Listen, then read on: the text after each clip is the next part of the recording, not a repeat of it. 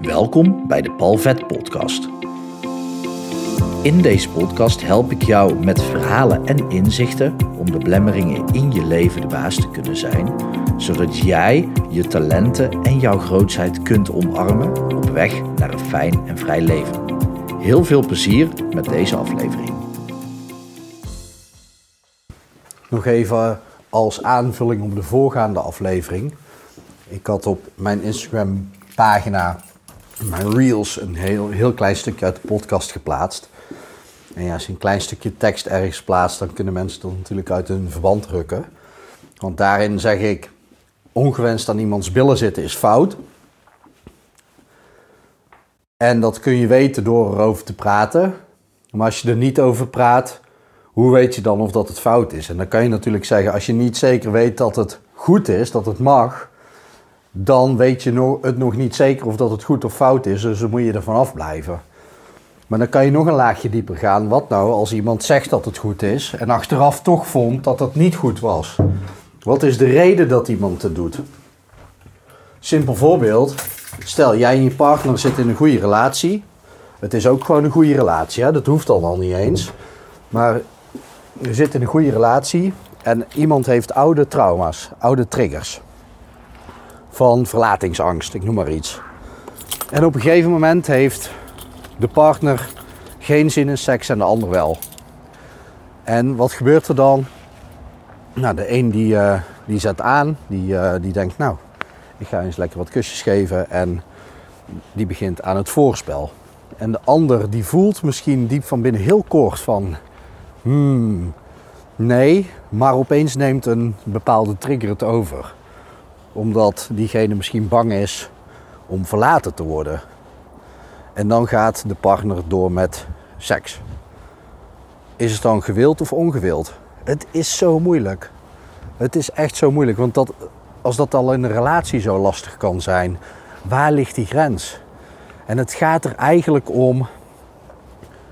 In de voorgaande aflevering ging het dan over macht en over oké, wie heeft de verantwoordelijkheid en wie niet. Het gaat erom hoe dicht blijf je bij jezelf. Hoe goed ken jij jezelf?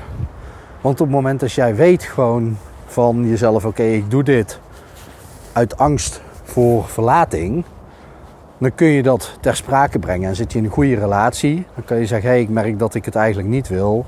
En dat ik het juist ben gaan doen of meeging vanwege deze angst. Dan kun je dat delen. Maar dat kom je alleen te weten als je zo dicht bij jezelf blijft. Als je jezelf goed kent. Hoe goed ken jij jezelf? Hoe goed ken jij het gedrag wat jij vertoont? Dat je weet waar het vandaan komt. Hoe goed ben jij verbonden met jezelf? Ik zeg altijd, hoe dieper je verbonden bent met jezelf, hoe dieper je ook met een ander kunt verbinden. En dat is zo. Je, je leven wordt rijker. Je hebt een rijker leven als je een diepere verbinding aan kunt gaan met jezelf. En vanuit jezelf dus ook met anderen en natuur. Maar pas dan ken je jezelf ook heel goed. Op het moment dat jij nog heel veel blokkades in jezelf hebt of getriggerd wordt door dingen zonder dat je je daar bewust van bent, dan leef je eigenlijk heel erg op onbewuste automatische piloot. En kom er dan maar eens achter of dat jij iets doet vanuit je eigen wil. Dat jij zegt, ja, hier ga ik volledig voor. Of dat je door een of andere trigger gemanipuleerd wordt. Nou, ik kan je zeggen dat eigenlijk alle patronen die wij hebben ontwikkeld in ons leven, hebben wij ontwikkeld door alles wat je hebt meegemaakt. Dus dan zou je zelfs kunnen zeggen dat alles gemanipuleerd is. Maar daarom is het zo krachtig om echt op onderzoek te gaan naar, naar jezelf. Wie ben jij? Wie ben jij in de kern? Of wie wil je zijn in de kern? Eigenlijk is dat het, want wie je bent in de kern klinkt een beetje zweverig en spiritueel, maar je zou dan kunnen zeggen je hogere zelf. Maar ook dat is alweer een kadertje van de bron erboven. Daarvoor, voor dit soort dingen, moet je echt even een andere aflevering van mij uh, beluisteren over de vijfde dimensie. Kun je gewoon zoeken op vijfde dimensie podcast en dan vind je volgens mij twee afleveringen van mij. Maar op het moment dat jij veel beter weet wie je bent in de kern en wie je ook wil zijn in de kern. En je kent je eigen waarde. En je weet waar jij wel voor staat, waar je niet voor staat. Je herkent triggers uit je verleden en je hebt genoeg zelfbewustzijn om daar niet automatisch naar te handelen, pas dan krijg je een vrij leven en een leven op jouw voorwaarden. En dan kun je pas veel dichter bij de kern komen op de vraag: wil je nou wel iets of niet iets doen? Los van wat dat dan is. Want ik begon natuurlijk wel naar aanleiding van de voorgaande afleveringen over de Voice of Holland, die perikelen. Maar het gaat nog verder in je leven. Gewoon elke keuze die je maakt. Op basis waarvan maak jij die keuzes?